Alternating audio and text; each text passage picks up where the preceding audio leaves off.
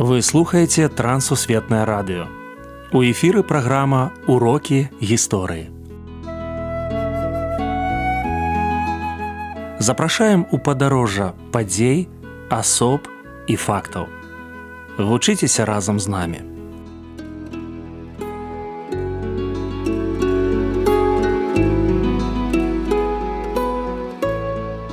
Добры дзень сябры перад мікрафонам сяржук брышцель і кандыдат гістарычных навук Андрусь унучак сёння мы пагаворым пра гераніма пражскага. Прывітанне Андрусь. Прывітанне сяржук. Прывітанне шаноўныя слухачы. Давайте пачнем жыццёвага шляху гераніма пражскага. Геранім пражскі гэта студэнт пасля выкладчык пражскага універсітэту Гэта чалавек, які нарадзіўся ў другой палове 14 стагоддзя і трагічна загінуў у пачатку 15 стагоддзя. Гэта вучоны, гэта вернік, гэта чалавек, які аддаў сваё жыццё за Хрыста. І ён вельмі моцна спрачыніўся да таго, што у нашай краіне з'явіліся іванскія хрысціяне.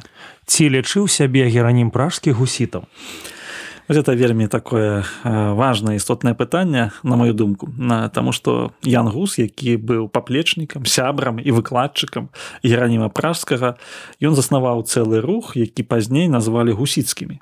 Гусіцкімі войнамі вось гусіцкімі рухамі гусіцкімі плынямі вось гэты гусізм такі ад імя ян гус. Але сам ян гус ён не лічыў сябе гусітам ён быў евангельскім хрысціянінам і геранім пражскі ён не быў гусітам ён сам не лічыў сябе гусітам ён быў евангельскім хрысціянінам. На той момант была не так важная канфесійная прыналежнасць як важна вернасць бібліі вернасць евангеллю. А праціўнікі яна гуса і гераніма пражскага яны казалі што ну вы прапаведуеце вучэнне гуса вы гусіты. Хрысціяне мы а вы гусіты. Это каб супрацьпаставіць было. А сённяшні момант мы ўжо у нашу мову увайшло на назва гусіты каб адрозніць іх ад іншых рэфармацыйных плыняў. Таму мой адказ не лічыў сябе гусітам. Наш гістарычны госць і Беларусь. У 1413 годзе на запрашэнне вялікага князя літоўскага вітаўта а вітаў на той момант быў адным з самых магутных валадароў у Еўропе пераможца таўтонскага ордэну под грунвальным геранім праскі прыязджае ў вялікае княства літоўскае. І больш за тое вялікі князь літоўскі дазваляе яму прапаведаваць у вільні ў сталіцы у віцебску і у полацку. Рэч у тым што сам вітаўт ён у той час рабіў паездку па паўночнай беларусі. Ён з вільні накіраваўся вось у гарады на заходняй дзвіне. Гэта полацкі віцебск. І там ён дазволіў і геранім праскі прапаведаваў. Больш затое наконт віцебску ён застаўся там на два месяцы. Значит сам вітаўт ужо з'ехаў а ён там жыў і прапаведаваў цэлыя два месяцы. У гэты момант канешне на радзіме у чэхії была вялікая небяспека для ягонага жыцця таму што яна гуса ўжо прызналі еретыка палітыкам і хацелі арыштаваць намагаліся і геранім праскі таксама быў вось под гэтай самай пагрозай. Але на тэрыторыі вяліка княства літоўскага ён меў ахоўную грамату. Таму мы можемм сказаць што першыя евангельскія супольнасці узніклі у беларусі дзякуючы ягонай пропаведзі у 1413 годзе. Расскажыце пра чатыры пражскія артыкулы. Вось это дарэчы вельмі важны момант для нашага разумення таго што такое евангельскае хрысціянства і яго дактрына яго веравучэння ў пачатку 15 стагоддзя яны былі сфармуляваны наступным чынам першы артыкул ён абвяшчаў свабоду пропавядзі слова Божага што любы святар можа прапаведаваць біблію ён можа чытаць біблію ён можа казаць на аснове слова Божага. І гэты пункт першы пункт пражскага пражскіх артыкулаў ён прадугледжваў пераклад бібліі на нацыянальнай мовы. Чым дарэчы і заняўся Ян гус і чым займаўся я іх духоўны настаўнік Джон Вікліф у Англіі. дарэчы сам геранем праскі вучыўся ў оксфордзе і ён быў знаёмы з вучэннем вікліфа другі пункт ён прадугледжваў тым што кожны вернік мае прымаць прычасце пад двума постацямі крыві і цела Ісуса Христа значыць для кожнага павінна быць і хлеб і віно Таму што на той момант усе вернікі яны прычашчаліся толькі пад постаццю цела толькі вось аплаткамі хлебам а віно толькі для святароў быў такі падзел на святароў і вернікаў на клір і мір А гэта ўсё было не біблійным як абвяшчалі пражскія артыкулы.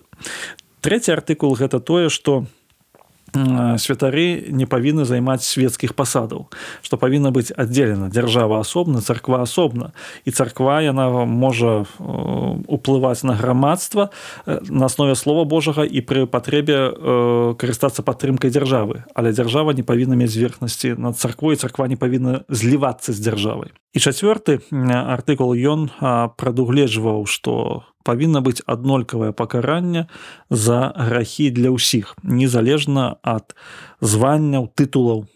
Таму што геранім праскі і ангус яны казалі што царква ёсць Христова а перад Христом усе роўныя. І гэта заклала такі прынцып роўнасці ўсіх перад законам.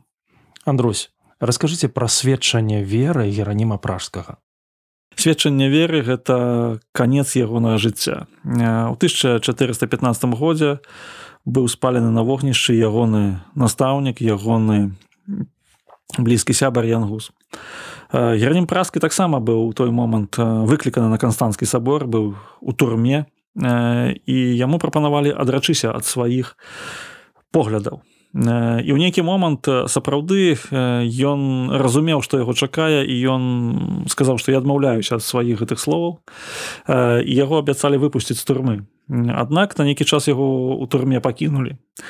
І пазней яму прапанавалі ну зрабіць это публічна. І калі ўжо надышоў час публічнага вось это адрачэння, ён вельмі цвёрда і вельмі выразна сказаў, што мае погляды грунтуюцца на слове Божым. І іншага ў бібліі я не знаходжу. Я не магу адрачыся і тыя мае словы я забіраю назад. Быў абвешчаны смяротны прысуд і ён быў спалены гэтак жа як янгус. І вось это сведчанне веры яго у тым што ён ішоў за Христом до конца нягледзячы на тое што гэта пагражала яго фізічнаму жыццю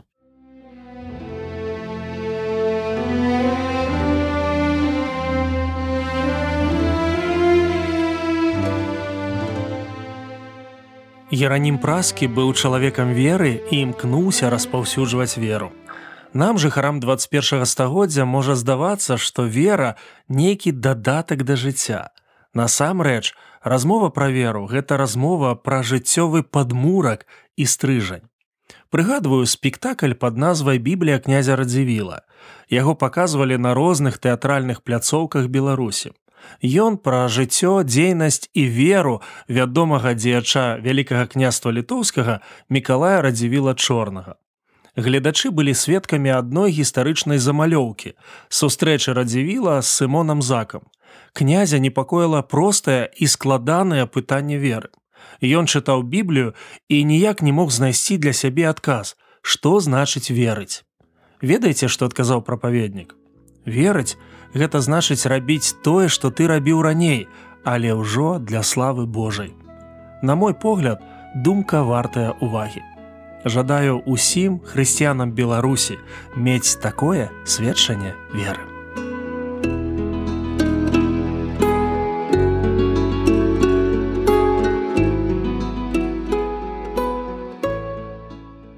Дзякую, што далучыліся да нашага праекту. Калі ў вас ёсць пытанні, пішыце каля ласка на адрас. Трансусветнае радыё, урокі гісторыі. Паштовая скрынка 45, індекс 22 40 20, горад Брест 20, Беларусь. Пакідаю для сувязі электронную пошту rmtwr.by сабачка gmail.com. Шукайце нас на сайце twr.com кропка FM. До новых сустрэч!